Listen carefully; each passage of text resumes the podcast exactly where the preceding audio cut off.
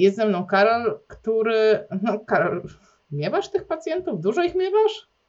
Obecnie całkiem sporo, ale to ze względu na miejsce, w którym przyjmuję od pewnego czasu. Natomiast y, tych pacjentów, y, nazwijmy to reumatycznych, wbrew pozorom też miałem sporo.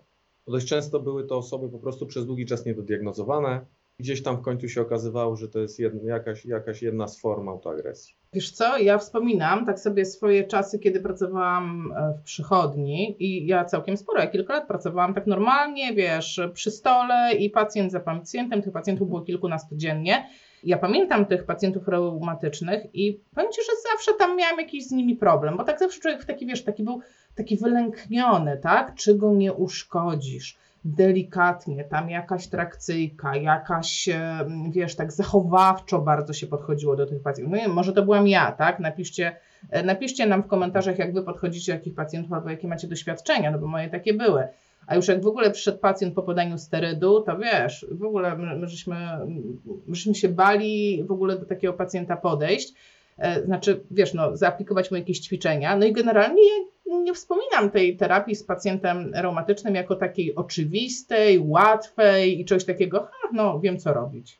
No ja też bym się nie podpisał pod tym, że to jest łatwe i oczywiste i można iść sztampą, czy jakimś takim, nazwijmy to protokołem, nie obrażając oczywiście innych rzeczy, z którymi się pracuje protokołem, tak? Tutaj pacjent, po pierwsze, nie mamy zbyt wielu właśnie protokołów, co robić w danych jednostkach, konkretnie, od A do B, jak osiągniesz kamień milowy B, to wchodzisz w C i tak dalej, i tak dalej. Tego, te, tego tak naprawdę de facto nie ma. Każdy pacjent jest, no każdy pacjent niezależnie schorzenia jest nieco inny, ale tutaj szczególnie w tych chorobach autoagresywnych trzeba bar, bardzo ostrożnie i bardzo uważnie obserwować stan pacjenta. To jest jedno, a drugie, myślę jak wszędzie, mieć bardzo dobrą współpracę z reumatologiem. Wiesz co, a ja tak sobie myślę. To są takie dwie a ja tak sobie myślę, że okej, okay, pacjent reumatyczny, tak, tak zadziornie, żeśmy za twoją zgodą, tak, tak zadziornie ten live nazwał się Mój pacjent ma reumatyzm. E, ja pamiętam, moja babcia miała reumatyzm, moja ciocia miała reumatyzm i wiesz, ja zawsze się bałam, że będę miała reumatyzm. E, I myślę, że fajnie by było, jakbyś na początku, jakbyś nam zdefiniował, co to jest ten reumatyzm i w ogóle tak naprawdę o czym my mówimy, o jakich my chorobach mówimy, myśląc o pacjencie reumatologicznym. Pacjent reumatologiczny to jest bardzo szeroka grupa chorób, chorób generalnie autoagresywnych, czyli takich, w których organizm w wyniku różnych czynników sam siebie atakuje i prowadzi do zniszczenia tkanek nie tylko narządu ruchu, bo choroby reumatyczne nie, nie, nie dotykają tylko i wyłącznie narządu ruchu. Niemniej jednak no, my się głównie tymi zajmujemy i tymi aspektami zajmujemy i to jest dość szerokie spektrum chorób. Jedne są pewnym rozpoznanym profilem, inne często są nieswoiste tak zwane. I często nie jesteśmy w stanie wyłapać tak naprawdę, co, co to do końca jest. A jakich masz najwięcej? Wiem, że jest autoagresja. Trudne pytanie, wiesz. Wcześniej miałem bardzo dużo nieswoistych, jak pracowałem w gabinecie u Agnieszki e, Stępień i wcześniej, tak, jak sam tak dla, dla siebie konsultowałem, gdzie pacjenci rzeczywiście przychodzili e, z bardzo różnych miejsc z polecenia, to, to, to chyba większość jednak byli nieswoiści, a w tej chwili to powiedziałbym, że więcej mam z rozpoznaniami dość konkretnymi. Nieswoiste, czyli e, tak wiesz, ja też wiedziałam, nieswoiste, czyli nie wiadomo co jest, ale tak wydaje nam się, że reumatyczne szkolenie, tak? Doszło, tak, wiadomo na jakim tle doszło do, do zapalenia stawowego, wielostawowego i tak dalej. Tak samo Agnieszka pisze, że ma nieswoiste. Tak samo Marta napisała, wiesz, zdecydowanie podobne doświadczenia. Nigdy nie wiadomo do końca, na co można sobie pozwolić i jak e, na to zareaguje pacjent. Ja mam takie mhm. same, mhm. ja mam takie same doświadczenia. No dobra, czyli e, jak pracowałeś tak jakby w ogólnej przychodni, no to więcej było tych niespoistych, czyli nie wiadomo tak do końca, co mu jest, ale wiemy, że coś tam z autoagresją. No a teraz rozumiem, że dostajesz jakieś takie konkretne. Weź, sypnij jakimiś tam takimi jednostkami chorobowymi, tylko błagam cię, nie RZTS, coś takiego bardziej, wiesz, z ogniem. RZTS, RZTS Osteoar no, osteoartrozy tego jest dość sporo, czyli choroby zwyrodnieniowe, tak? E, stawów, spondyloartropatie osiowe, spondyloartropatie obwodowe i łuszczycowe zapalenie stawów. Co to jest? To są to jest, takie najczęstsze. Co to jest spondyloartropatia? A spondyloartropatia? To są też grupy chorób. Do nich należy m.in. Bechterew, czyli ZZSK i to jest spondyloartropatia osiowa. A obwodowa? czyli centralna, dotykająca kolumny kręgosłupa. Proszę? A obwodowa? No nie wiem, jakiś przykład. Obwodowe to są nie, bardzo, bardzo nieswoiste obrazy, ale równie dobrze może być to, może być to po prostu spondyloartropatia osiowa. Jakby jej się już nie, nie dzieli szczególnie na jakieś niesamowite po, pod, pod, podrozdziały, że tak powiem. Pamiętam, wiesz, że jak zaliczałam swój egzamin z rehabilitacji, ja nie wiem, słuchajcie, bo teraz są po prostu takie, miał być PEW, tak? My mieliśmy egzamin, taki na koniec, egzamin z rehabilitacji. Ja nie wiem, czy to później funkcjonowało. Karol, ty miałeś coś takiego, bo to chyba po mnie kończyłeś, prawda? Później. Ja kończyłem w 2008. A, nie, dużo Nie pamiętam, że miał jednolity egzamin. No, ja miałam Nie taki pamiętam, że miał jednolity egzamin w całości. A ja miałam takie z całości, taką kobyłę i tak się mówiło, to jest państwowy egzamin. I wiesz, co miałam na egzaminie? ZZSK. Czy uważa pani, że rehabilitacja w ZZSK ma sens i jak prowadzić taką rehabilitację? I do dziś pamiętam po prostu moją odpowiedź. e, No tak jak patrzę, kurczę, mało wiedziałam. No co, no żeby nie zesztywniał tak bardzo e, w zgięciu, tylko w wyproście. Tak zasadniczo jak na to patrzę, to do tego się sprowadzała cała rehabilitacja. Wiesz co, na dzień dzisiejszy, oczywiście można to rozwinąć, ale to jest jeden z naj, naj, najistotniejszych celów. Nie, nie, nie umniejszałbym temu. M- może dlatego dostałam Po prostu, żeby, piątkę. pac- żeby pacjent jak. że- Chodzi o to, żeby spowalniać progresję choroby. To już ci powiem, jakie Ona są, tak jakoś tam zachodzi. jakie są e, na czacie odpowiedzi RZS, ZZSK, dna moczanowa, LZP, zwyrodnienia, znowu dna moczanowa, znowu ZZSK, czyli sporo tych pacjentów jest rzeczywiście i te choroby się powtarzają. A ja bym chciała jeszcze uderzyć tak jakby od drugiej strony, bo czasami mamy takich pacjentów, którzy wcale nie przychodzą zdiagnozowani, e, ale są tacy dziwni, Mhm. nie? że kurczę, no tu go boli, no niby ma tam objawy jakieś bólów pleców, no ale teraz tyle się mówi o bólach pleców, że one mogą być tak naprawdę spowodowane absolutnie wszystkim, od, y, od tego, że rzeczywiście w tych plecach coś masz, do tego, że nie wiem, zmieniłeś pracę i nie jest ci komfortowo w tej nowej pracy. E, Czy są jakieś takie rzeczy, które powinny wzbudzić moją taką czujność w kierunku diagnozy choroby reumatycznej? Ja nie mówię, że ja chcę diagnozować pacjenta, ale co powinno wzbudzić moją czujność, że być może to nie jest taki pacjent typowy tam ortopedyczny, czy typowe tam bóle krzyża? Na pewno problem e, pojawiający się, czy trwający y, powyżej 3 miesięcy, to na pewno. Przy niektórych to się skraca też do 6 tygodni, ale możemy założyć, że 3 miesiące. Na pewno sztywność poranna i pospoczynkowa jest bardzo charakterystycznym objawem, który należy odnotować. Natomiast ja tu nie mówię o dwóch czy pięciu minutach, że się rozchodzi po, po, po, po 10 krokach, tylko to są sztywności, które trwają 10, 15, 20, 30 minut. To jest to współtowarzyszące różne, no, no, wysięg, obrzęk, tak, często nie w jednym miejscu. Bo to, to też powinno, pytanie, czy mówimy o jednej lokalizacji, czy mamy rozrzucone te lokalizacje, tak, że to jest, nie wiem, ból krzyża, tak, plus kolano, plus nadgarstek, albo jeszcze jakieś inne miksy. Niekoniecznie musi być to w kręgosłupie, mogą być to tylko obwodowe rzeczy, albo mogą być to tylko pochewki ścięgien, czyli takie pobrzęknięte tutaj końcówki przedramion, obrzęki, takie wysięki w pochewkach przy kostkach i to utrzymujące się, długo utrzymujące się. I to wtedy też powinno rodzić, rodzić takie, oj, to warto pacjenta sprawdzić, bo no bo coś tu może być nie halo, nie? To to jest to, na pewno w historii rodzinnej, tak, tego typu rzeczy, to powinniśmy w wywiadzie zebrać. Na pewno towarzyszące inne problemy, problemy skórne, problemy spojówek, problemy z gastroenterologiczne, czyli żołądkowo-jelitowe, bo to też w dużym procencie chodzi razem. Uczucie, ciągłe uczucie, takie częste bądź ciągłe uczucie zmęczenia, takie deficyty witalności, no to są takie rzeczy, które należy ubierać razem do worka i na pewno odsyłać po prostu do reumatologa, bo to jest samemu nie ma co rozpoznawać. Tak? Dobry reumatolog odpowiednio zaleci, zleci odpowiednie badania, poprowadzi własny wywiad i, i postawi diagnozę. Bądź hipotezę diagnostyczną, bo często jest tak, że pacjenta trzeba poobserwować. Co jeszcze? Jeżeli macie takie sytuacje, że to nie przechodzi po, po jakiejś infekcji, albo ktoś miał, za przeproszeniem, no może bez, biegunkę, dorwało go zatrucie i w ciągu powiedzmy 4 do 8 tygodni rozwija właśnie jakieś zapalenie stawu, jakieś coś. Albo ma katar, zatoki zawalone, od 4 tygodni nie może wyjść, i nagle chwilę później się pojawiają na przykład dwa kolana, nie? Wywalone, czerwone i tak dalej. No to nie jest to, że poszedłeś, poćwiczyłeś i przeciążyłeś kolana, no, generalnie. I jakby cały, z tego co, co ja obserwuję i z tego co, co widzę z rozmów z reumatologami i samymi pacjentami, to kluczowe jest, żeby jak najszybciej to rozpoznać. Tak więc jeżeli cokolwiek rodzi wasze niepokoje, jakiś rodzi wasz niepokój i jakieś podejrzenia, że coś jest nie halo, to jak najszybciej tą osobę wysłać po prostu na kontrolę. Karol, to ja tak. I ostatnia, ostatnia rzecz, jeżeli wam nie idzie terapia, to znaczy, że jeżeli pacjent wam nieadekwatnie reaguje na bodźce terapeutyczne, które aplikujecie, nawet delikatne, albo podejrzewacie tu kolano nie do końca wyprost, jakiś lekki wysięg, no to pomobilizujemy, nagle pacjent wraca za tydzień czy za trzy dni kolano jak bańka spuchnięte od tych lekkich mobilizacji. To jest bardzo nieadekwatna odpowiedź na bodziec terapeutyczny. Tak? I to też powinno, tu żaróweczka i coś jest niehalo. Ja mam takie, wiesz, zaczepne pytanie. Powiedziałeś, że to ważne, żeby jak najszybciej taką osobę zdiagnozować. No, dlaczego? Przecież i tak choroba postępuje. No to, no to cóż, jakie to ma znaczenie, czy tego zdiagnozujesz w lipcu, czy w listopadzie? A chcesz mieć postęp 3-5-letni, czy postęp 40-30-letni? No ja chcę mieć zahamowanie tak ogólnie, w ogóle nie chcę mieć postępu.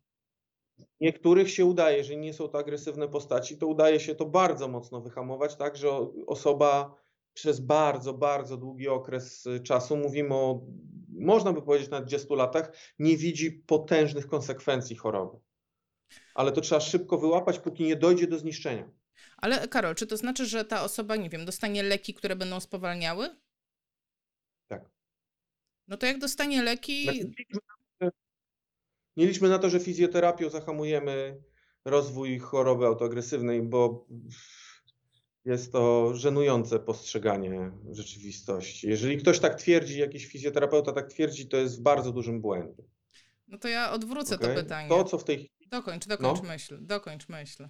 Tak naprawdę ją dokończę. Dobra, bo ja... Od... Kluczo, kluczowe jest na to, że bez farmakologii jesteśmy w stanie y, poprowadzić pacjenta, zabezpieczyć go, nie wiem, leczyć go. Nie, nie jesteśmy w stanie. No dobra. Okay? Farmakoterapia chorób reumatycznych jest fundamentalna. Wspaniale. To patrz, to ja teraz normalnie e, mam świeże siły, jadę jak po prostu z grubej rury wale. No to jak ma farmakologię, mhm. choroba zatrzymana, to na kit fizjoterapia. Dlatego, że w większości, mimo wszystko, że choroba spowalnia, to pacjent ma jej konsekwencje. E, czyli ma takie rzeczy jak obniżona wydolność, znacznie zwiększone ryzyko zachorowania na choroby sercowo-płucne, e, znacznie większe ryzyko zachorowania na cukrzycę, miażdżycę, e, udar mózgu. Serio? Skorelowany to, jest... To jest raz. Dwa. Tak. tak, tak, tak, tak, tak. Ze, ze względu na pewne, nie, nie każda z chorób autoagresywnych, ale niektóre z nich tak. Dalej idąc, ma już jakieś zmiany w narządzie ruchu wywołane rzutami choroby, zanim doszło do diagnozy. Dlatego właśnie kluczowe jest, kiedy została rozpoznana i jak agresywna jest, czyli jak silne są te rzuty, jak częste są te rzuty tej choroby. To też jest dość kluczowe. Dlatego mówiłem na początku, że każdy pacjent jest niby może być ta sama choroba, jakby bardzo podobny pacjent populacyjnie, ale postęp tej, tej jednostki u tego pacjenta może być, może być różny. Nie? Dalej idąc, miopenia, generalnie kacheksja, czyli ubytki masy mięśniowej, kostnej, tkanki włóknistej, spadki parametrów tkanki włóknistej, staje się sztywniejsza, podatniejsza na mikrourazy. Tego jest dużo i to są rzeczy, których leki nie wyprowadzą. Więc generalnie fizjoterapia w reumatologii jest uważana jako jeden z priorytetów, ale nie samodzielny. Tak? No dobrze, a ja wiesz co, wyrażę taki pogląd, który wydaje mi się jest dość częsty wśród pacjentów, ale powiem ci, ja też mam taki, taki dreszczyk jakby uważności, jak o tym myślę. No jeżeli choroba reumatyczna prowadzi do uszkodzenia tkanek stawu i tkanek okalających staw, to jak ja dam ruch do tych um, stawów, jak ja dołożę, nie daj Boże, ciężar, to czy to się nie wytrze, mhm. czy to się nie uszkodzi jeszcze bardziej, czy ja nie zrobię temu pacjentowi więcej problemu.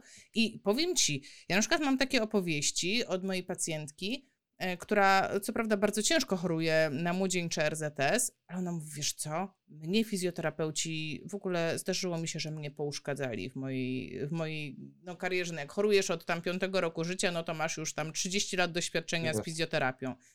To Jak ty Mhm. to widzisz? Jak ty widzisz to, no jakby ten taki dysonans w głowie fizjoterapeuty? Z jednej strony, okej, no ja rozumiem, że ten ruch, zachowanie ruchomości, ale z drugiej strony, kurde, te tkanki są osłabione. Czyli to co? To bardzo delikatnie, w podwieszeniu? Dawaj. To wszystko zależy od tego, w jakiej fazie jakby biologicznie znajduje się pacjent. Jeże- Jeżeli jest, jakby zostawmy farmakoterapię, czy ją przyjmuje, nie przyjmuje, jak przyjmuje, jak ustawiona, jakby odsuńmy to. Jeżeli ma rzut, to my w fazie rzutu nie możemy temu pacjentowi aplikować dużych obciążeń, bo to jest tak samo, jakbyś, nie wiem, skręciła jakikolwiek staw albo go podwichnęła, doszło do wysięku w tym stawie, do obrzęku maziówki, do jakichś nawet mikro, nie makrouszkodzeń, mikrouszkodzeń i my w takim stanie, w fazie ostrej próbujemy tym stawem jakoś specjalnie bardzo ruszać. Będziemy go drażnić. Jakby tak. Skąd ja wiem, że on ma rzut? Ha, ci pacjent powie, że ma rzut. Czuję się, czuję się, przede wszystkim mm, są najróżniejsze kwestionariusze, których można się posługiwać, ok? Eee, są wskaźniki ilościowe tkliwości stawów i miejsc przyczepów i to warto obserwować u pacjenta. I niektórzy pacjenci sami na sobie to obserwują po prostu. Natomiast w większości pacjent wie, że ma rzut. On mówi, że po prostu jest, teraz jest gorszy czas, czuje się gorzej, więcej stawów jest nagle zaangażowane, albo więcej tkanek, więcej lokalizacji. On o tym mówi. Plus w morfologii to wychodzi często. Czyli jak ma rzut, Tak więc jak ma rzut, jestem ostrożna, a coś w ogóle mogę zrobić w rzucie, czy może lepiej właśnie mu powiedzieć, e, e, przeczekajmy to, nie wiem, e, tam, no nie wiem, pewnie jakąś tam farmakoterapię dostaję dodatkową, tak sobie to wyobrażam, tak, że inna farmakoterapia w rzucie, inna Tak. w remisji, więc m, zostawić go w spokoju, czy coś tam mu zaproponować? Ja się staram w takich, w takich przypadkach u naszych pacjentów stosować ruch. Ruch, teraz pytanie, po co ten ruch? Zazwyczaj, żeby trochę się jednak ten pacjent zziajał, czyli patrzmy raczej aeroby, czyli tlenowe wysiłki, angażujące te części ciała, o ile to jest możliwe oczywiście, angażujące te części ciała, które nie są zajęte tym procesem. Tych tkankach z jakichś powodów nie mamy tej odpowiedzi takiej agresywnej, zapalnej, tak? autoagresywnej. Z jakichś powodów w danych stawach, w danej maziówce nie odłożyły się te komórki odpowiedzi zapalnej i nie zaczynają atakować własnych tkanek. Więc to jest, to jest podstawowy, pierwszy podstawowa, pierwsza podstawowa rzecz. Fizykoterapia wszelaka, działania przeciwbólowe, jak najbardziej. To pomaga pacjentom, to ich nie, nie wyleczy, to nie jest cudowne narzędzie do czegokolwiek, ale jeżeli jesteśmy w stanie obniżać ludziom ból na przykład z 7 do 5, to dla nas to są tylko dwa punkty, ale dla pacjenta później jakbyśmy to porównali czy skorelowa- skorelować, zestawili z jakością życia, to różnica jest bardzo duża, między 7 a 5 bólu odczuwanego. Więc naprawdę zdjęcie czegokolwiek, umożliwienie pacjentowi funkcjonowania jest, jest naprawdę, lepszego funkcjonowania, jest naprawdę na wagę złota w takich, w takich, w takich momentach. Natomiast nic na siłę. Jakby najgorsze jest agresywne działanie, nie wolno. Bo ci pacjenci się zaostrzają, nie wiem, rzucam teraz taką liczbą swoją, 97% tak, się zaostrzy po, po agresywnych akcjach. Mhm. Czyli, czyli tak ja próbuję sobie to przełożyć, wiesz, na taką, na taką praktykę.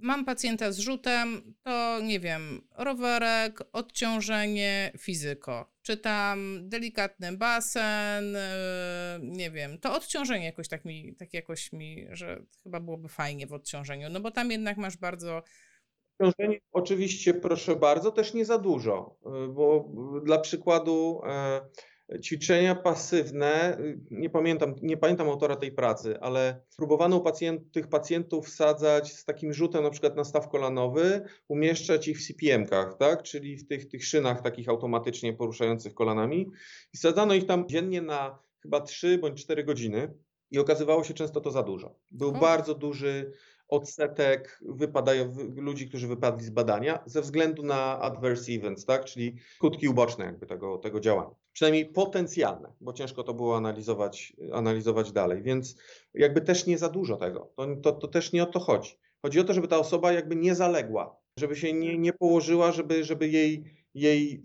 y, aktywność fizyczna drastycznie nie spadła w tym okresie. To jest cel. A tak w praktyce powiedz mi, te osoby, które przychodzą do ciebie z rzutami, to są na zwolnieniu lekarskim i siedzą w domu, czy raczej pozostają aktywne zawodowo i żyją jak do tej pory, tylko im ciężej? Ja tych osób mam bardzo mało ze względu na to, że może to nieskromnie zabrzmi, ale reumatolodzy, z którymi współpracuję, i, i, i przychodnia reumatika, w której, której jestem dyrektorem fizjoterapii. Ci reumatolodzy naprawdę wiedzą, co robią, plus stosują bardzo nowoczesne y, metody farmakoterapii. Okay. Więc y, ci pacjenci naprawdę, jeżeli są już wyłapane o co chodzi i ustali się odpowiednie, odpowiednią farmakoterapię dla tego pacjenta, to oni naprawdę w zdecydowanej większości naprawdę dobrze idą i ataki nawet jeżeli się zdarzają, to są bardzo o niskim nasileniu.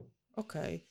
A wspomniałeś, że w takim rzucie, okej, okay, fajnym rozwiązaniem będzie fizyko, no ale y, to co, każda fizyko, to co, klasyka, magnetronik, ultradźwięki i tam nie wiem, y, czej, co, co, co, żelazny zestaw, no to kryterapia jakoś do tego, czyli nawiew, ma... tak, no to taki żelazny zestaw, tak jak sobie myślę. Może nie zawsze te ultradźwięki, bo one wiesz, jednak tam gdzieś tam korelują, znaczy kłócą się z nawiewem, chociaż może się nie kłócą. Zobacz, jak ja mało wiem o fizyko.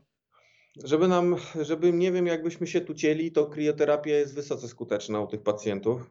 Z różnych powodów, grunt, żeby nie była szczególnie krioterapia, czyli nie, nie zimnolecznictwo, bo okłady zimne ciężko przewidzieć, jakby kiedy dochodzi tak naprawdę do nagłego, głębo, nagłego przekrwienia tkanki. I to czasami takie przedłużone chłodzenie potrafi spowodować tak naprawdę zaostrzenie. Tak? Tak więc, natomiast krioterapia, czyli te nadmuchowe różne, tak? Czy to będzie azotem, dwutlenkiem węgla, czy po prostu, nad, czy po prostu nadmuchowa, tak? Kompresorowo schładzana, to one mają wysoką skuteczność. Więc to jest raz, z różnych powodów, tak? Między innymi z tego, że schładzając tkankę spowalniamy po prostu włókna przewodzące ból i dlatego między innymi to działa.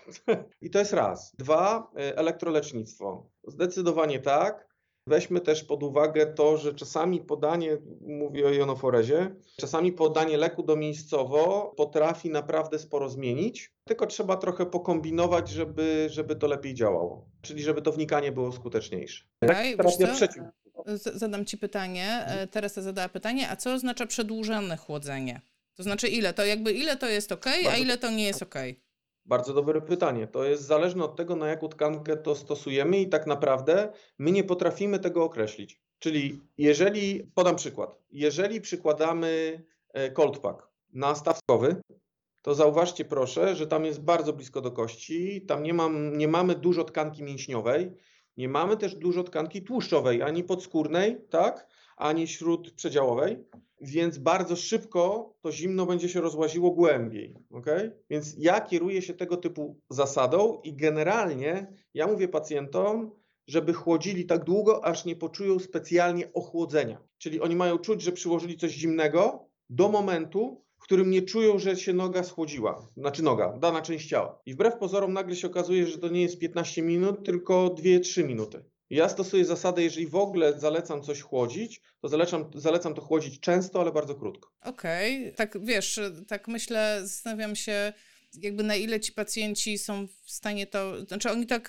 rzeczywiście stosują się do tego, tak, bo ja powiem ci, zawsze mam problem z tym chłodzeniem, bo e, albo mój pacjent położy ten okład i zapomina o nim i tam, nie wiem, leży na nodze, aż mu się nie roztopi, albo... No, i to jest... To lepiej, żeby tego w ogóle nie robił. Jakby jeżeli dochodzi do czegoś takiego, to pamiętajcie, że de facto doprowadzamy do pewnej formy takiego super softowego odmrożenia tkanki, bo tkanka przed tym zimnem się broni. I w którymś momencie dochodzi do odwróconej odpowiedzi naczyniowej, do maksymalnego przekrwienia, bo po prostu tkanka próbuje zapobiec rozpad jej rozpadowi. Czyli tego nie chcemy. Nie? Więc... Tego nie chcemy. Nie, no absolutnie. No. Nie, no jakby pomijam. Ci pacjenci w ogóle reumatyczni, to brawa dla nich, oni w zdecydowanej większości są tacy bardzo uważni i słuchający się zaleceń. Jakby to jest gigantyczna różnica między pacjentem z chorobą e, reumatyczną, a pacjentem ortopedycznym. To, to powiedziałbym czasami, że to są skrajne światy. Natomiast pacjenci ortopedyczni często położy, trzymał, nie? I ja widzę często ludzi, łokieć, kolano, kostka, przychodzą, obrzęknięte to, chłodziłem coś, ile pan chłodził? No jak przyłożyłem, to tak zasnąłem z tym. No ale raz? Nie, no nie, tak przez tydzień. No i my się dziwimy, że ta stopa jest taka, ona nie, znaczy ta kostka jest taka, ona nie będzie inna, jeżeli ta osoba tak robi na noc. Jakby nieważne, że na noc, że jeśli tak robi, tak? I to są takie, i nie wiadomo skąd to nie idzie, i taki wysięg, i taki obrzęk tkanki. No wiadomo przynajmniej w dużej mierze skąd, tak? No tak. A co jeszcze oprócz więc- e, chłodzenia? Powiedz coś jeszcze, coś jeszcze powiedz, e, nie wiem, daj jakiś przykład, no takich rzeczy, które większość z nas ma, nie wiem, tens będzie ok, przeciwbólowy, moduluje. Tak, jak najbardziej. Jak, jak najbardziej. Tylko stosujmy ten tens tak, jak się go powinno stosować, czyli nie przez 15 minut, tylko minimum pół godziny. Tak? Minimum, minimum. A to Dajcie czasami znać. tensy są stosowane do 3 godzin. Dajcie znać. Dajcie znać, ile u Was e, trwa zabieg tensu, albo może macie taką praktykę, że pacjent może wypożyczyć tens do domu. Bardzo jestem ciekawa, jak to w realu działa, tak? No bo z tensem, e, jak się czyta literaturę, to ten tens bardzo fajnie wypada. Tylko teraz pytanie, ile osób stosuje e, tak jak trzeba. Katarzyna się pyta, a laser? Co z laserem? No, u mnie też, no, by- były laserki. No, szczególnie ten taki Mm. skaner, skaner. Może wiecie, ja jestem, jestem tak bardzo... No nie kocham fizykę, ale Generalnie ten przekonuję el- się, no. E, Z laserem nisko, niskoenergetycznym mam bardzo mało doświadczeń. Patrząc na literaturę, nie mamy go w klinice. Patrząc na literaturę, nie wypada to najlepiej. Owszem, laser wysokoenergetyczny, na który teraz czekamy, taki wysoko, wysoko rzeczywiście. E, Natomiast to nie w fazach ostrych, e, natomiast w fazach remisji, tak. No powiem Ci, mamy tutaj odpowiedzi na czacie. Mm, Większość osób pisze 15 minut. U Agnieszki, gratuluję, u Agnieszki pół godziny. A e, u, u dwóch Agnieszek. Dzisiaj Agnieszki po prostu wiodą prym e, w zabiegach robionych zgodnie z EBM. Ale większość osób pisze 15 minut. 15 minut. Dokładnie. Ale piszą tak dlatego, że tak jest w wytycznych, jakby chyba z tego co wiem, Narodowego Funduszu Zdrowia. No nikt się nie tłumaczył. Może jak, jak chcecie, to napiszcie. Dlaczego tak? Czy po prostu ktoś tak powiedział i tak robicie? Czy, czy po prostu podję, po- podjęłyście, bo chyba Mhm. same dziewczyny napisały e, Mhm. same taką decyzję. Agnieszka pisze, fizyko prawidłowo wykonana daje ulgę i obserwując pacjenta od 30 lat robi robotę, stabilizuje stan. No dobra, e, a ja bym chciała więcej tych zabiegów. Weź nas, zainspiruj. Teraz tyle osób ma różne takie, wiesz, fancy zabiegi. Fala uderzeniowa, terapia tekar, y, to czekaj, indiba. y, no jest mnóstwo takich nowoczesnych zabiegów. Właśnie, o, której fazie, o której fazie mówimy teraz? Powiedz mi.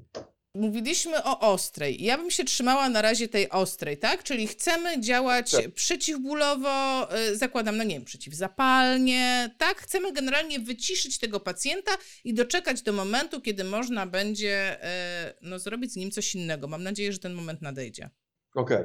No to w tym momencie, kiedy pacjent do nas przychodzi, jest świeżo po tym wybuchu, tak? To tak naprawdę elektroterapia, krioterapia, z, żadną in, z żadnym innym biostymulantem bym nie wchodził. Raczej te elementy, które są w stanie w jakiś sposób wpływać na wręcz chemiczne wyciszenie tkanki, czyli patch, ewentualnie jonoforeza. Tylko tutaj też na dzień dobry pytanie, czy my tym galwanem tam nie podrażnimy tej tkanki. No? I tak naprawdę w tym ostrym rzucie to jest wszystko, co możemy zrobić, co trwa powiedzmy bardzo różnie, od, od kilku dni do powiedzmy dwóch, maks trzech tygodni, takiego hardkoru, tak? No i ten stan, najczęściej są też wprowadzane leki, więc to wszystko razem zaczyna nam pacjenta wyciszać i w fazie podostrej możemy wprowadzić laser, możemy wprowadzić tekar, ale to już pacjent nie może mieć podniesionej temperatury ciała, on nie powinien mieć już specjalnego wysięku, obrzęku, maziówki, bo naprawdę to też może się różnie skończyć, jeżeli będziemy tę tkankę tam podgrzewać. Tak? To też jest inny pacjent niż pacjent, który skręcił nogę. To się rządzi innymi prawami, jakby ta biologia działa tam inaczej. Tak? Bo u pacjenta, który jest pourazowy, spoko,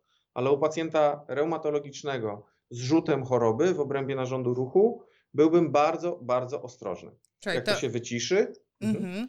To bardzo mi się podoba, że to powiedziałeś. Ja bym chciała to podkreślić i po prostu jeszcze raz powiedzieć, czy ja to dobrze zrozumiałam.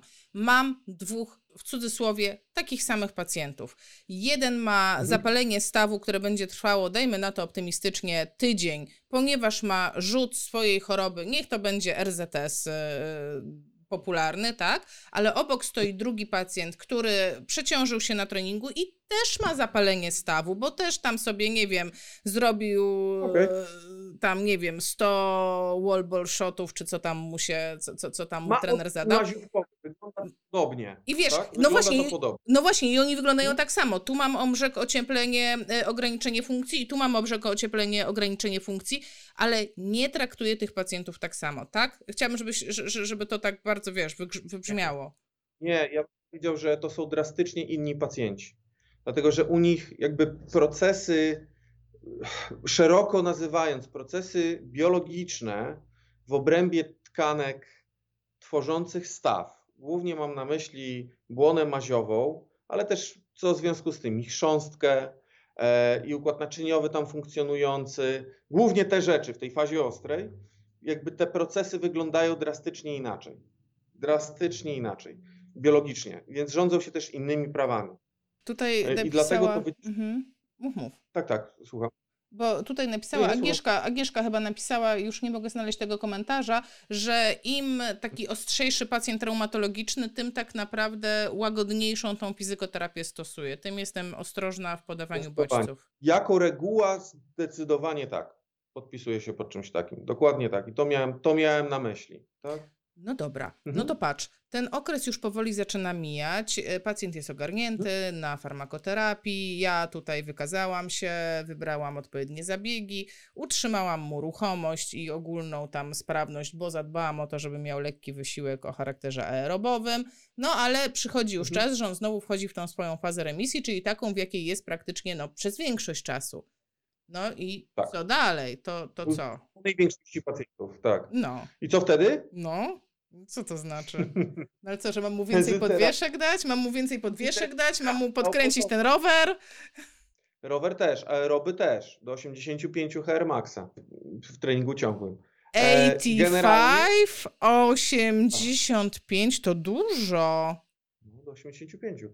Można spokojnie dojść. Oczywiście, jeżeli ktoś chce kształtować stricte tlen, nie robić HIT, to może sobie trenować, wiesz, znacznie niżej, tak? Kręcić się w okolicach 60-65, ale będzie robił bardzo długie wysiłki, jeżeli to ma mieć sens. Po prostu. No ale czekaj, czekaj, pytanie, zanim czy- nie... No, musimy się zatrzymać przy Aha. tym. Czyli to oznacza, że jak przychodzi do mnie pacjent reumatologiczny, to ja powinnam po pierwsze pochylić się nad tym, jakie on ma tętno maksymalne. Czyli muszę sobie, nie wiem, Tak. odpalić Google, wpisać e, e, wzór na HR Max i teraz pytanie, czy standardowy wzór na HR Max będzie identyczny dla pacjenta e, reumatologicznego, jak dla każdego innego człowieka? Czy on ma inny HR Max? Nie spotkałem się z badaniami ani z żadnymi zaleceniami, że miałoby być inaczej. Co innego, jeżeli pacjent jest obciążony kardiologicznie, ale wtedy mam, mamy zalecenia od kardiologa. Eee, Zdarzyło nam się na razie, od kiedy tutaj działamy, trzech takich pacjentów, którzy wymagali jakby nie tyle konsultacji kardiologicznej, co, co były zalecenia od kardiologa. Na pewno tych osób będzie więcej i wtedy możemy porozmawiać, bo moje doświadczenia w tej chwili nie są zbyt duże. Jeżeli chodzi o wzór, tak, wzór jak najbardziej. Jest wzór ostatnio opublikowany zresztą przez po- polski zespół. O ile się nie mylę, to był Sports Lab chyba. I tam e, profesor chyba fizjologii wysiłku albo kardiologii, bo też nie pamiętam nazwiska, ale opracowali nowy wzór, który bardzo fajnie się sprawdza. Okay? Tak więc polecam. Mogę wrzucić później W komentarzach. e, jakiś w komentarzach, coś, coś wrzucę, wam, wrzucę Wam do tego link. E, I ja korzystam z tego wzoru. Tak? Dobra. Ja korzystam z tego wzoru No, ale tyle. Dobrze, ja wszystko dobrze załapałam. Jak do tej pory załapałam, ale po prostu wiesz, ja mam taki charakter. Ja wszędzie wynajduję dziurę w całym i wszędzie widzę problemy, więc y, Mhm. po pierwsze musiałam sobie policzyć to HR Max dla tego pacjenta ko- konkretnego. Po drugie, no ja muszę go zacząć monitorować pod kątem tętna w czasie wysiłku. Czyli to nie jest tak, że ja go, e, no bo ja mam takie doświadczenia, wiesz, z pracy, proszę bardzo, tu jest rowerek, tutaj pani na tym rowerku, pan na tym rowerku, a pan na tym rowerku. No i that's it. Każdy kręcił tak jak chciał, bo takie, wiesz, fajne 20 minut, ale tak naprawdę to ten pacjent powinien mieć no podczepiony. No powinien mieć podczepiony ten czytnik, no, czy chociażby, no kurczę, prawie każdy rower ma ten czujnik w rękach, tak? Czy ten czujnik do Mhm. ucha, no i whatever, wszystko się sprawdzi, Cokolwiek. prawda? Ten napalcowy. No. By cokolwiek. Zgadza się. Ej, czekaj, powiedzcie mi, napiszcie, czy podłączacie swoich pacjentów i rzeczywiście mierzycie im tętno. Jestem bardzo ciekawa, bo przyznam się, że ja tego nie robiłam. Żeśmy traktowali rowerek jako takie. "A, mm, Proszę, Proszę, Tak, pacjenci bo to mówimy o rowerku, jak, zalicza, jak zalecamy pacjentowi na przykład, bo to wiesz, jedno to się robi z pacjentem w gabinecie, w przychodni, w klinice, a drugie co zalecamy pacjentowi do domu. Jeżeli zalecamy mu spacery, to jak programujemy te spacery? Ma pan se chodzić po prostu?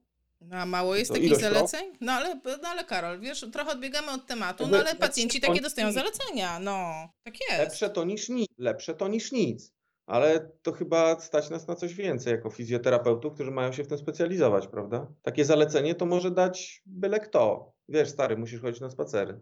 O, tak, tak. I mniej jeść. 150. Mniej jeść i więcej się ruszać, moje ulubione. Dobra, ja, ja muszę, patrz, ja będę drążyć ten rower, ja muszę go doprecyzować. Wiesz dlaczego? Dlatego, że No. mnóstwo osób, jestem po prostu przekonana, mnóstwo osób e, po prostu pracuje tak, e, ma te rowery w pracy.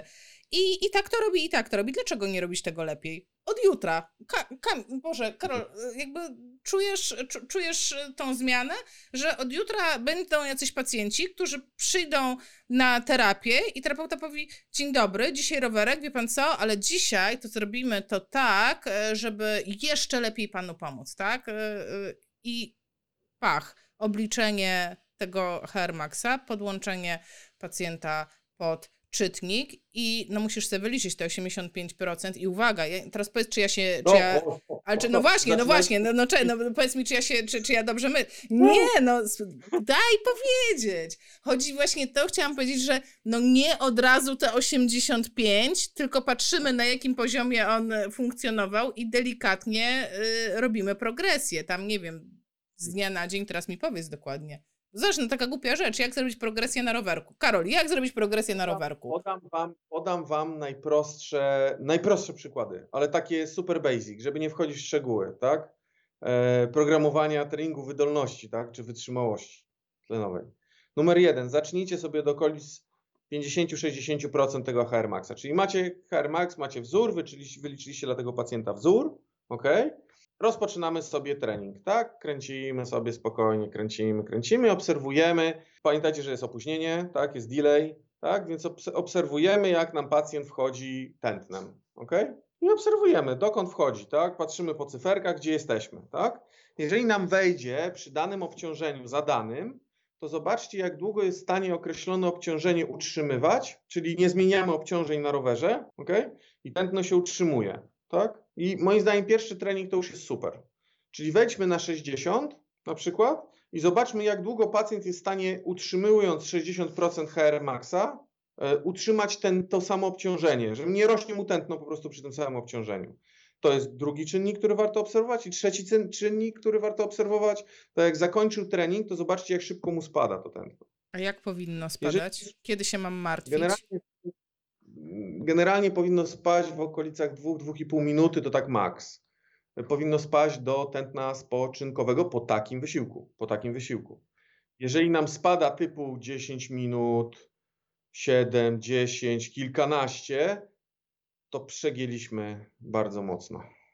Dobrze, słuchajcie, to nie, nie, nie przeginajmy, ale jakby mam nadzieję, że jasne jest, jaka powinna być tendencja. Marta napisała taki smutny komentarz. Ośrodek nie dysponuje pulsoksymetrami w ilości większej niż jedna sztuka, więc nie, nie monitorujemy. Pulsoksymetry są takim tanim 49, sprzętem. 59 chyba. No, ale może, ale słuchaj, no może to jest właśnie taki moment, że warto to zawalczyć, ponieważ e, jaka jest argumentacja dla osoby, która zarządza kupowaniem sprzętu?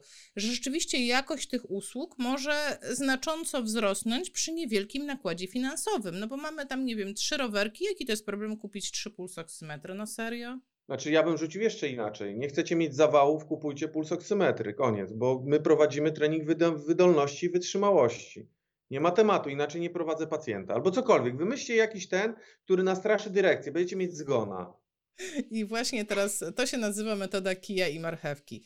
E, Ja dam marchewkę, Karol dał kij i po prostu jest pięknie. E, Teresa napisała, że pacjent jedzie na luzie. Jeżeli w obserwacji budzi podejrzenie, to wtedy sprawdzamy parametry. No i ja dokładnie tak samo, ja dokładnie tak samo działałam przez wiele, wiele lat, z tym, że takie działanie to jest jakby nie uzyskamy jakiejś znaczącej poprawy, ale nie uzyskamy też pogorszenia, czyli takie bardzo asekuracyjne. Na początek super. Na początek ekstra pacjent się y, jeżeli nie jeździł jakby do zmęczenia specjalnie na rowerze i tak dalej, to jest ekstra. Był mało aktywny, super, robi coś więcej niż by nie robił, tak? Natomiast w momencie, kiedy chcecie kształtować progi wytrzymałości, wybaczcie, ale robienie tego na oko nie zadziała. Można, można się posiłkować skalą RPE, tak? Czyli skalą taką zmęczenia, różną. 6,20 klasyczny Borg, 0,10 modyfikowany Borg. To są opisowe, są jeszcze opisowe skale, ale uwaga, te skale wymagają dobrej znajomości ciała i maksymalnego zmęczenia, czego większość z naszych pacjentów nie zna. Więc stosowanie skal RPE, uj, może być różnie. ok? I nie wycyrklujemy wtedy, gdzie jesteśmy. Dobrze, to, to zostawmy, to zostawmy. Kula. Zejdźmy na poziom taki, wiesz, mojej znajomości reumatologii, to myślę, że, y, że tak będzie naprawdę korzystniej, bo y, Karol, ja tak wiem, że ja cię pociągnęłam w kierunku tego rowerku, no ale to jest coś, co pacjenci rzeczywiście robią, a wiem o tym, no, że to no, nie tylko tym rowerkiem świat stoi i tak naprawdę, jakbyś miał tak z głębi swojego fizjoterapeutycznego serca powiedzieć, czego trzeba temu pacjentowi reumatycznemu w, w kontekście terapii ruchem? To co by to było? Tego, czego trzeba w większości naszych pacjentów z narządem ruchem, progresywnej kinezyterapii o progresywnym obciążaniu. A co, że, ale co, że siła? Chcesz mi powiedzieć, że pacjent reumatyczny ma dźwigać ciężary? To mi chcesz powiedzieć? Tak, dźwiga ciężary. No nie, To no, pytanie, no, co nie nazwiesz- zostawiaj mnie tak. Tylko pytanie, co nazwiesz ciężarem, tak? Bo też nie zaczynamy od kształtowania siły maksymalnej 95% RM. Oczywiście, że nie, tak? Są różne sposoby osiągania tych elementów i różne fazy, bo dla pacjenta reumatologicznego podstawową kwestią jest to, że u niego dochodzi do miopenii, czyli jakby, nie jakby, do zmniejszenia masy mięśniowej. Ok? Więc zanim zaczniemy kształtować parametry siły, teraz wiesz, mówisz siły, a ja ci zadam pytanie, ale co to jest siła? Zdolność Jakiej mięśnia do pokonywania oporu z zewnątrz. A właśnie, ale teraz jakiej siły? Bo mamy ró- różne. mm, de facto my w rzeczywistości chcemy generować moc. Siła jest tylko jakby pośrednią do tego, co mamy osiągnąć. Więc zawsze, jeżeli robicie trening z oporem, to musicie wziąć pod uwagę dwie rzeczy, trzy rzeczy. Wielkość obciążenia, intencja, z jaką to robię, podnoszę ten ciężar, czyli tempo, z czym wiąże się, czyli to jest powiedzmy 2,5 czynnika, prędkość ruchu. Bo ta intencja to jest też prędkość. Podniosłem maksymalnie szybko. Pytanie, czy chciałem? Pytanie, co chcę kształtować. To jest znacznie bardziej złożone i czerpie bardzo dużo z przygotowania motorycznego, tak? Te rzeczy się przeplatają, ale mniejsza z tym. Tak, pacjent ma ćwiczyć oporowo. Tak, ma ćwiczyć oporowo. Teraz jedyni, bo zaraz się pojawi, tak, ale oni się tam zaraz posypią. No. Okej, jeżeli pacjent jest stabilny na lekach, to się nie posypie, gwarantuję. Widzę to, okej, obserwujemy to. E, I badania o tym mówią, więc to nie jest tylko moja opinia, przede wszystkim mówią o tym badania. Teraz, jakie obciążenia stosować? To zależy znowu, w jakiej fazie jest pacjent. Jeżeli pacjent jest właśnie stabilny, to śmiało możecie zacząć od obciążeń wielkości 40-50%. Czego? RM, MVIC, czyli maksymalnego skurczu izometrycznego. Ale powiedz, co to jest, jak to dopomie- wyliczyć? Nie, nie, nie, Karol, stop, stop, stop, stop, stop, stop, stop. Wiesz, Mhm. ja muszę tutaj wejść, bo no co, przychodzi do mnie pacjent reumatyczny, ręce powykrzywiane, tu go boli, tam go strzyka, po prostu e, od 20 lat chory, a ja mu powiem, no dobrze, panie tam Romualdzie, dzisiaj mierzymy, jaki jest pana, e, jaki jest pana maks w przysiadzie. No, no proszę cię, przecież ja skądś muszę wziąć tego maksa, tak? Oczywiście, że tak. I możesz u tego maksa mu spokojnie wziąć z testu izometrycznego. E, Rozwiń temat. Najprostszy test izometryczny, jaki mogę zrobić dla pacjenta reumatologicznego. Macie, wa- bierzecie wagę hakową, która kosztuje całe 50 zł. To wiecie, jak wygląda waga hakowa? Taka, że coś się na, nim, na niej zawiesza, tak, to właśnie. I ta wada hakowa najlepiej, żeby tam miała te powiedzmy, do wszelkich pacjentów to warto, żeby była gdzieś tam do 250-300 kg, ok? U pacjenta reumatologicznego można spokojnie mieć taką wagę powiedzmy nawet do 100 albo 150, też wystarczy, ok? E, I teraz na tej wadze zaczepiamy jedną taśmę, drugą taśmę albo dwa łańcuszki, coś, co się na pewno nie zerwie, ok? Na dole umieszczamy patyk i na górze umieszczamy patyk, ok? Patyk po prostu chwyt, Kijek. tak? No.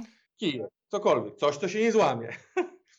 Jeden patek umieszczamy pod stopami, a drugi patyk pacjent łapie mniej więcej na wysokości połowy ud, będąc w delikatnym takim ćwierć przysiadzie, jednej trzeciej przysiadzie. I prosicie pacjenta, żeby powoli wykonał wyprostnął, po prostu wstał. Nie może tego zrobić, więc to jest, bo to, jest, to się nie rozciąga, więc macie test izometryczny. Tak? Jeżeli pacjent nie może czegoś chwycić, można zastosować albo łapki za nadgarstki, albo wręcz pas biodrowy i przyczepiona ta linka jest do pasu biodrowego, jeżeli pacjenci są bardzo obciążeni. Ale ten test można zrobić. Okay?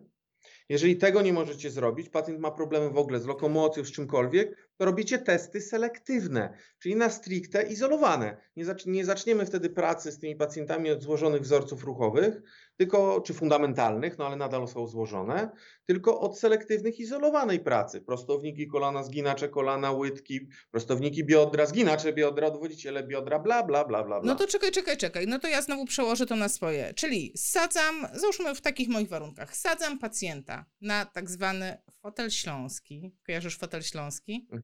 Fotel śląski, Mhm. czyli będzie prostował kolano z obciążeniem. Taki po prostu klasyk, powiedziałabym, e, w ośrodkach rehabilitacji.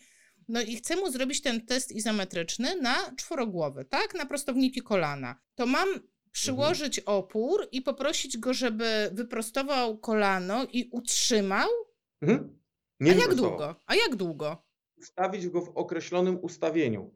Dla kolana pytanie, w których zakresach chce, chcemy pracować, ja bym ustawiał u tych pacjentów zakres pomiędzy 45 a 60 stopni. Bo ten pacjent nie będzie schodził nisko, nie będzie robił pełnego, pełnego zakresu ruchu, jakby w siadzie przez długi czas. E, Znów pytanie, starsza 20 lat chorowała, przez 15 nie brała leków, umówmy się, tam jest mocna mielonka w tych stawach, więc ten pacjent już będzie miał ograniczenia na zawsze, ok? Ale jeżeli to jest pacjent młodszy albo mniej agresywny, szybciej wszedł na leczenie, ocena strukturalna stawowa daje duże możliwości, to wtedy też to będzie wyglądało inaczej. Ale wracając do testu, 45-60 stopni i nawet nie musisz go na, ten, na to krzesło, to można na leżance zrobić. Znowu jest pasek, zaczepiasz, przytrzymujesz albo wiążesz pasek do stołu, raczej nawet zdrowy chłop stołu nie wygnie ramy, tak? I prosisz pacjenta, żeby powoli zbudował siłę maksymalną na wadze, tak? Czyli przez 3 do 5 sekund powoli budował, no robiliśmy to wszyscy na studiach do zżygania. Przynajmniej większość z nas na AWF-ie w Warszawie były pomiary sił izometrycznych, jakby tych statycznych, tak? To było klepane po prostu oporowo, nie? Ja to, to była moja biomechanika. Mam Z całym nadzieję, szacunkiem oczywiście. Mam nadzieję, że nie Eee, ogląda mnie prowadzący w tej chwili i nie widzi mojej miny. Ale bardzo dobrze pamiętam wyznaczanie środka ciężkości. To było dużo ciekawsze dla mnie niż pomiary siły. Dobra, Tak? ale dobra, e, czekaj. No to czyli on to utrzymał. Jak utrzymał kilka sekund, no to mam ten jego maks w izometrii i zaczynam il, o, od jakiego obciążenia? No bo rozumiem, że dążę do tego, że skoro ja go zmierzyłam w izometrii, to docelowo to ja chcę mu zadać jakieś serie i powtórzenia, tak? Czyli dać na tą nogę, nie wiem, chociażby ten ciężarek taki na rzepy i powiedzieć mu, dobrze, a teraz panie Romualdzie, robi pan wyprost, przytrzymuje, a powoli opuszcza i robimy to 12 razy. Jeżeli macie pacjenta, który nie wiecie, jak wam reaguje, rozbuduję wam to. Jak macie pacjenta, który nie wiecie, jak wam będzie reagował na obciążenia mechaniczne, kompresyjne, to śmiało możecie dać temu pacjentowi na początek obciążenia czysto izometryczne. Dlaczego? Dlatego, że w ustawieniach, jakby w ćwiczeniach izometrycznych jesteście w stanie maksymalnie wyeliminować przemieszczenia kinetyczne w stawie, przez co nie dochodzi do podwichnięć, nie dochodzi do specjalnych ślizgów, ścięć. Jest to ograniczone na maksa, tak? Co oznacza, że nie będziemy silnie drażnić stawu. Więc powtórzenia izometryczne, czy ćwiczenia izometryczne, oporowe, czyli nie takie tam przytrzymaj delikatnie, nie, budowane 50%, 60% na początek. U starszej osoby mocny zniszczony staw zacznijcie od 30 i zobaczcie, jak reaguje. Jeżeli dobrze reaguje na ćwiczenie izometryczne, nie drażni się, nie ma pogorszeń po prostu, to, to ćwiczenie go nie uzdrowi, ale nie ma pogorszenia, to już możemy następnym razem trochę sprogresować i albo zacząć O, aha, teraz w jakich ustawieniach to robić? Bezpiecznych.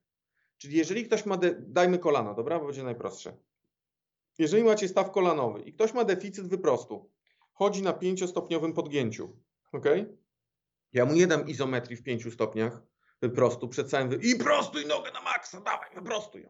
Bo on mieli to kolano w ten sposób, tak? On je po prostu wyważa. To nie ma sensu. Przynajmniej to nie jest nasz cel teraz go mobilizować na samym początku, ok? Nie tym ćwiczeniem może, ok? Czyli wchodzimy gdzieś najlepiej w aktualny, mm, w aktualne ustawienie pośrednie. Jeżeli macie minus 5 i osoba spokojnie, bez bólu zegnie do 90, rzucam, wymyślam teraz, tak? Tak się ustawicie w okolicach 45, 50, 60 stopni, gdzieś tu, to jest wysoce prawdopodobne, że aktualnie w tym stawie jest to ustawienie, które potencjalnie będzie go najmniej mielić. Ok? Jedno, co by trzeba było tylko wziąć dodatkowo, jeżeli mamy to jeszcze bardziej sobie skomplikować, to jest ocena strukturalna, czy w stawie kolanowym i rzepkowo-udowym w tym ustawieniu nie ma wyraźnych ubytków chrzęstnych bądź zmian podchrzęstnych. Bo jeżeli są, to ten, to ustawienie też znowu trzeba ominąć gdzieś, bo istnieje ryzyko, że będziemy po prostu tą chrząstkę tam męczyć, a organizm specjalnie nam nie da szybko odpowiedzi o tym, że ją męczymy. No ale z drugiej Bo strony. chrząstka No ale z drugiej strony No. spotkałam się z badaniami, w których było, e, to było chyba na biegaczach, w którym było powiedziane, że właśnie chrząstka potrafi się dostosowywać do obciążeń, czyli de facto nawet w reumatologii nie powinniśmy się bardzo bać obciążenia jako takiego, bo Mhm. liczymy na to, że jednak chrząstka odpowie, no, daj Boże, fizjologicznie i jednak się nadbuduje. Dawaj. Tak, tylko teraz pytanie, gdzie mamy próg superkompensacji. Jeżeli to jest osoba, a, bo jasne, że się zaadaptuje, ok? Jeżeli, się, jeżeli, jeżeli tkanka nie adaptuje się absolutnie do niczego, ok? Absolutnie do żadnych obciążeń, tak? To znaczy, że ta, ta tkanka umrze, w cudzysłowie, ok?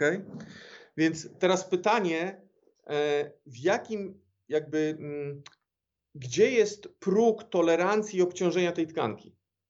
Okay? I to trzeba ustalić.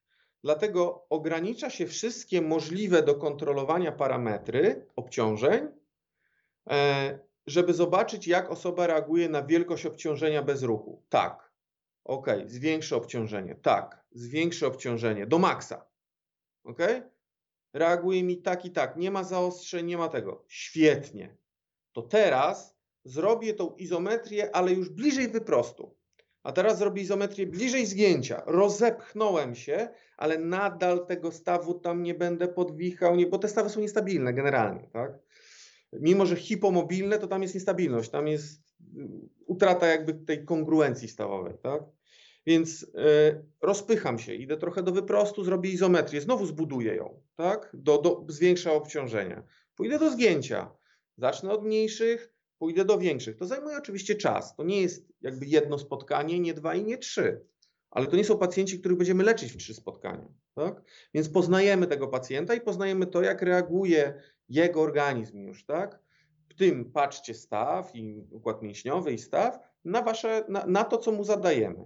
Jeżeli w izometriach radzi sobie dobrze, sprawdziliśmy pra, praktycznie prawie cały zakres ruchu bez skrajnych, bez skrajnych ustawień, hmm, no dobra, to teraz z tego środka zaczniemy sobie trochę pompować. ok? I znowu zrobię to na 30%. Zobaczmy, jak toleruje. Tak? Ja mówię tu naprawdę o pacjent, złożonych procent, pacjentach reumatologicznych, bo czy z RZTS-em, tak, spondyloterapią osiową, czy reaktywnym zapaleniem stawowym, po reaktywnym zapaleniu stawowym, gdzie są zniszczenia, to jest, to jest taki pacjent, który no nie w najlepszym stanie ma kolano, bo osoby stabilne poprowadzi znacznie szybciej. Okaże się, że na izometrię maksymalną w ogóle nic się nie dzieje, to możecie wejść od razu w powtórzenia już ekscentryczno-koncentryczne, tak, ćwiczenia. Nie, nie, nie trzeba się aż tak ograniczać, tak. Dobrze, pytanie numer jeden, aż sobie zapisuję. Co ma mnie zaniepokoić? Czyli dobrze, obejrzałam ten live i myślę sobie, kurczę, od jutra z moim tam, nie wiem, panem Zdzisławem reumatycznym, to zaczynam izometrię. Delikatnie, żeby nie było tam skuchy, robię wszystko wedle tego, co powiedziałeś.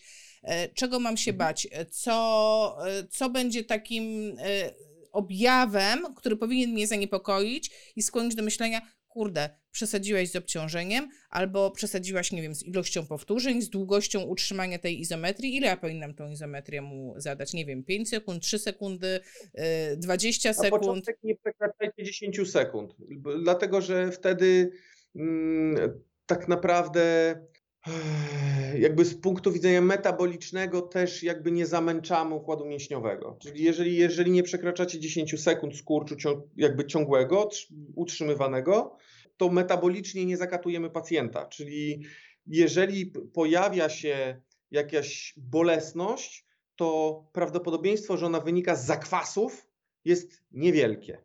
Niewielkie, ja nie mówię, że niemożliwe, ale jest, jest, jest niewielkie. Co nam pozwala lepiej różnicować po prostu i lepiej wnioskować jakby z tego, co, co uzyskujemy. To, to, to jeżeli chodzi o czas skurczu. Jeżeli chodzi o wielkość skurczu, to podczas pierwszego spotkania przetestujcie. Na początek proszę według Pana nacisnąć na 30%. Według Pana. Takie mety trochę, tak? Taki muscle energy techniques, tak? Na 30%, czy tam w PNF-ie też macie takie rzeczy, nie? Że na ileś procent, tak? Później na 50, później na 60, a teraz na 75. Według Pana, subiektywnie. A teraz na 80. Dobra, odpocznijmy, odpocznijmy. To co, jest Pan, jest pan gotowy na te 90%? No jasne. No dobra, to spróbujmy. Robi 90. Robi 95. To co, spróbujemy stówę? Spróbujemy. Robi stówę i się okazuje, że możemy zrobić bez problemu test siły maksymalnej izometrycznej, gdzie pacjent się tego nie obawia, może nam powiedzieć, jaki ból odczuwa, jeżeli odczuwa jakiś, ale się go nie boi. ok? Bo to mm, pamiętajmy też, że w tym wszystkim jakby chodzi o ból też. Nie tylko odpowiedzi biologiczne, ale ból. I większość tych pacjentów jakby boli się ruszać, jakby nie chce się ruszać, bo się boi, tak? A nie dlatego, że wiedzą, że na pewno coś się stanie, bo oni często jakby egzystują w, w wyimaginowanej mapie tak naprawdę już często opartej na domysłach, bo kiedyś coś się wydarzyło przy czymś i wokół te, to było tak przykre doświadczenie, to była taka trauma z jakichś powodów i przyłożyli do niej tak dużą uwagę i, i, i, i, to było tak ciężkie, że zbudowali wokół tego cały świat. Nie? I tak naprawdę naszym zadaniem jest zdekonstruowanie tego. Więc ta izometria w automacie staje się też edukacją pacjenta. Zobacz, możesz. A później mu pokazujecie, ile on jeszcze w kilogramach tam może dźwignąć na tej nodze i nagle, o rany, wow. Karol, a może go boleć? Dozwolony jest ból w czasie ćwiczeń? Już jak ćwiczę, już nie mówię w czasie testu, ale czy generalnie boimy się w reumatologii bólu, czy się nie boimy? Ja bym się nie bał bólu znów tego tolerowalnego, tolerowalnego. Słuchałbym się pacjenta, który też wie, że jeżeli tak mnie boli, to nic nie będzie, ale jak mnie tak boli, to już będzie jutro. To jest bardzo ważne, żeby słuchać się, że pacjent rządzi. My przewodzimy, a pacjent rządzi. Tak? Więc to jest ten drugi element. Więc w trakcie może dobrze by było, żeby po nie było bólu większego na przykład. Może być jakby, bo tych pacjentów generalnie coś boli, więc on nie powinien specjalnie narastać po treningu czy po, po kinezyterapii. Eee, nie chcielibyśmy, żeby pojawiła się sztywność pospoczynkowa yy, i większa sztywność, czyli nie wzrosła sztywność pospoczynkowa i poranna następnego dnia oraz ból następnego dnia rano. Nie powinien być większy niż był poprzedni. Najlepiej u mnie się sprawdza jak miód prowadzenie dzienniczków, które robiłem z ludźmi i robię z tendinopatią, czyli dzienniczki bólowe. Ja, jakby głupie to nie było i infantylne, nie wiem, bo to różnie ludzie na to reagują, jak o tym, jak o tym opowiadam. Jest to świetna rzecz, bo można, po pierwsze, jeszcze pacjent mi odnotowuje, przy czym to było albo po czym to było. Więc i to ja nie próbuję do tego. Dobra, do, do, do, do brzegu. Czyli chodzi mi o to, że mając, mając ten dzienniczek, jesteśmy w stanie wyłapywać rzeczy, na które reagował lepiej, gorzej, w jakich miksach. Okay? To jest raz, a dwa, można edukować pacjenta na bazie tego. I trzy, jest to bardzo fajna rzecz do współpracy z lekarzami, bo dla nich to jest wow. Ok? I dla nich też jest to istotne, bo ten pacjent na przykład przyjmuje leki. Więc ja, my też tam mamy lek. Tak? Rano taka i taka dawka, taka i taka dawka do takiego ruchu, to robiłem, bla, bla, bla. Ok? Więc dla pacjenta jest to też, dla lekarza też to jest przydatne, dla zespołu, dla wszystkich. Super. Więc, jak macie już tą izometrię i przeszliście przez tą izometrię, to wchodzicie w ekscy... izotoniczne, tak? Czekaj. Izotoniczne. No. Czekaj. No. po jakim, po jakim e, czasie spodziewam się, że mu się poprawi? Czego ja oczekuję? Bo wiesz, no to tak jest, tutaj są komentarze na czacie, a może on nie rozróżni tego, co go boli patologicznie od tego, co toleruje. Ja mam raczej takie doświadczenie jak ty, że reumatyczny to wie, to wie, bo od razu jakby nie da się dotknąć. Przynajmniej takie są moje doświadczenia. Ale co chciałam powiedzieć? Po jakim czasie oczekuje, że jemu będzie lepiej? Czy jemu na przykład powinno być już lepiej po pierwszym, e, po pierwszych ćwiczeniach, czy na przykład, e, tak jak ja teraz, nie wiem, leczę swoją tendinopatyczną stopę, to mnie było lepiej, nie wiem, po dwóch tygodniach ćwiczeń. Mnie nie było lepiej od razu. Mnie było lepiej dopiero po tym, jak tak wiesz, poćwiczyłam, poćwiczyłam i widzę ten efekt z czasem. To jak jest z tym pacjentem? Mhm. Tak samo będzie tutaj. Teraz pytanie, na jakie efekty liczymy? Znów. Tak? Jakby, jakie są nasze cele, czyli jakie są cele medyczne, zespołu medycznego i pacjenta, więc cał, jakby cał, całości, tak? E, pod, podmiotów w tym, w tym przedsięwzięciu e, względem fizjoterapii. Jakby czego oczekujemy. Nie? I te oczekiwania są bardzo różne. Jeżeli oczekujemy przyrostów siły, ja bym badał przyrost siły nie szybciej niż po 6 tygodniach. Jakby wtedy możemy mówić, że, że sprawdzimy rzeczywiście, co ten nasz mezocykl, bo tak możemy nazwać jakby ten okres, tak? Nie mikro, mikro to jest tam skala tygodnia, półtora, powiedzmy mniej więcej, tak? A mezo to będzie powiedzmy te około 6 tygodni w tym przypadku, e, kiedy będzie miało to sens, że my stestujemy przyrost, czy mamy, czy nie. To jest, to jest raz. Dwa, e, jeżeli mówimy o teraz no, siły, pytanie jakiej siły?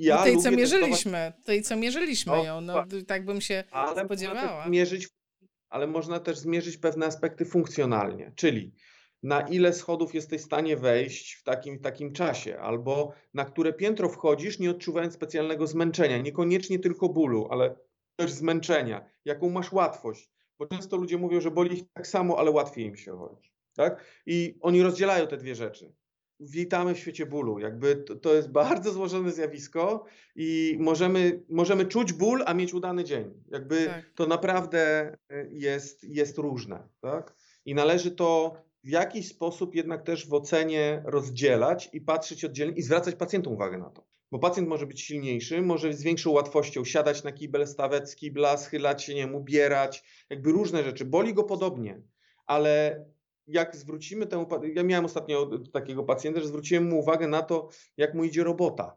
I on tak siedzi, siedzi i tak, a wie pan co, że szybciej mi to wszystko idzie? A on fizyczną pracę miał, nie? Nie no, nie no, szybciej, rzeczywiście, ma pan rację. Oni w ogóle tego nie dostrzegają, bo oni są, no, edukacja pacjenta, tak? Jakby neuroedukacja, edukacja pacjenta. Oni są zafiksowani na pewnych elementach, które będą poprawiały się albo bardzo wolno, albo są zależne od bardzo wielu innych czynników. Więc nie zawsze ból jest kluczowy dla mnie. No I też... mówię to też pacjentowi. Celem jest poprawić ci ból bezwzględnie, ale nie możemy tylko i wyłącznie na tym bazować, bo w tych chorobach ta rzecz dominowała latami często i ma bardzo wiele jakby zalanych fundamentów, które będą cię do tego bólu ściągały. Celem jest działanie przeciwbólowe, ale nie proszę nigdy, czy, czy, czy nie namawiam, jakby nie nakłaniam pacjenta do tego, żeby myślał tylko z perspektywy bólu. Mimo, że jest to dla niego tak ważne. No ale z tego Często co... przez to, że no. ważne, to to się tak bardzo skupia na bólu. Jakby to jest kółko zamknięte właśnie, nie? No to z jednej no tak. strony muszę go wysłuchać, ale z drugiej strony, no właśnie, wiesz, to ta kwestia edukacyjna, ja myślę, że to jest znowu taki moment, że można powiedzieć, że czas poświęcony w czasie terapii indywidualnej na edukację nie jest czasem straconym. Jakby znasz ten problem Absolutnie. fizjoterapeutyczny, tak? Że powinnam mieć ręce na pacjencie. Jak nie mam, to znaczy, że, to znaczy, że nie pracuję, a ta edukacja jest bardzo, bardzo ważna. E, Agnieszka... O, to znaczy, no. bardzo nie pracuję. No Jeżeli no bym tak myślał, to znaczy, że bardzo nie pracuję. No, no ja też nie. Mało, mało. Moje hands-on w tej chwili, jeżeli jest, ja nie mówię o badaniu, ja mówię już o terapiach, jeżeli moje hands-on to jest, nie wiem, 20% czasu, to jest już naprawdę dużo. Rozpieszczasz pacjentów. E, Monika pisze, czasami ból siedzi w głowie. Tak, taki, no to jest bardzo teraz e, takie dobrze udokumentowane podejście, że jednak e, wiele dolegliwości bólowych zależy od przekonań pacjenta. E, Agnieszka prosi, czy jakąś literaturę moglibyśmy podać. I uwaga, Agnieszka, mamy nie tylko dla Ciebie, ale dla wszystkich mamy specjalną niespodziankę. Znaczy niespodziankę, tak mówię, jakby to było wow, ale to jest wow, Ka Karol, bo to jest od Ciebie. Uwaga, wrzucam na ekran literaturę przydatną do pogłębienia wiedzy z tych wszystkich rzeczy, o których wspominał Karol. I uwaga, 5, 4, robimy screeny, 3, 2, 1, 0. Screeny zrobione, a jak słuchacie tego na podcaście w następnych dniach, to no, musicie zajrzeć albo na YouTube, albo na Facebooka i po prostu, e, uwaga, godzina 13. Właśnie wtedy pojawiły się screeny, ale godzina 13 to na Facebooku. Już na YouTubie nie będzie 13, bo będzie wycięty cały wstęp. Są skomplikowane rzeczy takie live'y, Karol, tak ci powiem. Dobrze. Nie mój cyrk, nie mój pałki. Kochani, bardzo, bardzo Wam dziękujemy. Ja mam poczucie, Karol, że absolutnie temat, po prostu temat został liźnięty. To jest moja opinia na temat naszej dzisiejszej rozmowy. Ja już coś tam Mhm. wiem, mnie już coś tam dzwoni. Ja już e, myślę, że jakby teraz przyszedł do mnie pacjent reumatologiczny, jakbym pracowała, nie wiem, na oddziale ogólnym, to, to wiesz co, jutro bym go poprowadziła lepiej niż zrobiłabym to dziś, więc e, super, ale no, to jest bardziej skomplikowany temat niż się wydaje, tak? I trzeba drążyć, trzeba czytać. Jakbyś miał dać taką jedną poradę osobom, które nas dzisiaj Mogę oglądają. coś dodać? Dawaj, no, Mogę? Możesz. słuchajcie. Pewnie, że możesz. E, tak naprawdę, według mnie, ja czym dłużej pracuję, to widzę, że nasza praca, prócz edukacji, bo to jest, jakby nasza praca jest złożona, wiecie, kiedy? Jak dotrzeć do pacjenta. To jest złożone. I jak stestować, bo my nie mamy za specjalnie super do tego narzędzi, robimy to trochę metodą prób i błędów, jak określić te progi drażliwości, progi pobudliwości pacjenta. To jest trudne.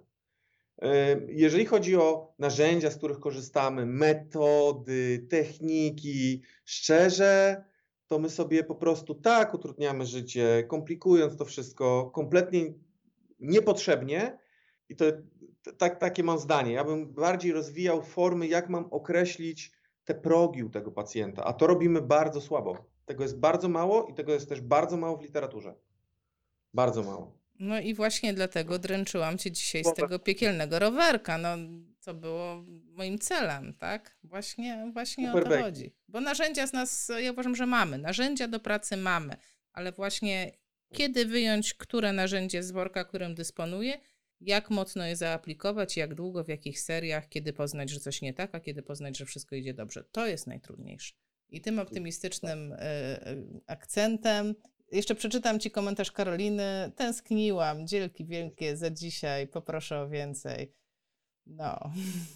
Także, Karol, bardzo, bardzo dziękuję. Mam nadzieję, że to nie ostatni Twój raz e, na fizjopozytywnych, a Wam też bardzo, bardzo dziękuję za to, że spędziliście z nami pierwszy wieczór po wakacjach. Tymczasem, do zobaczenia. Cześć.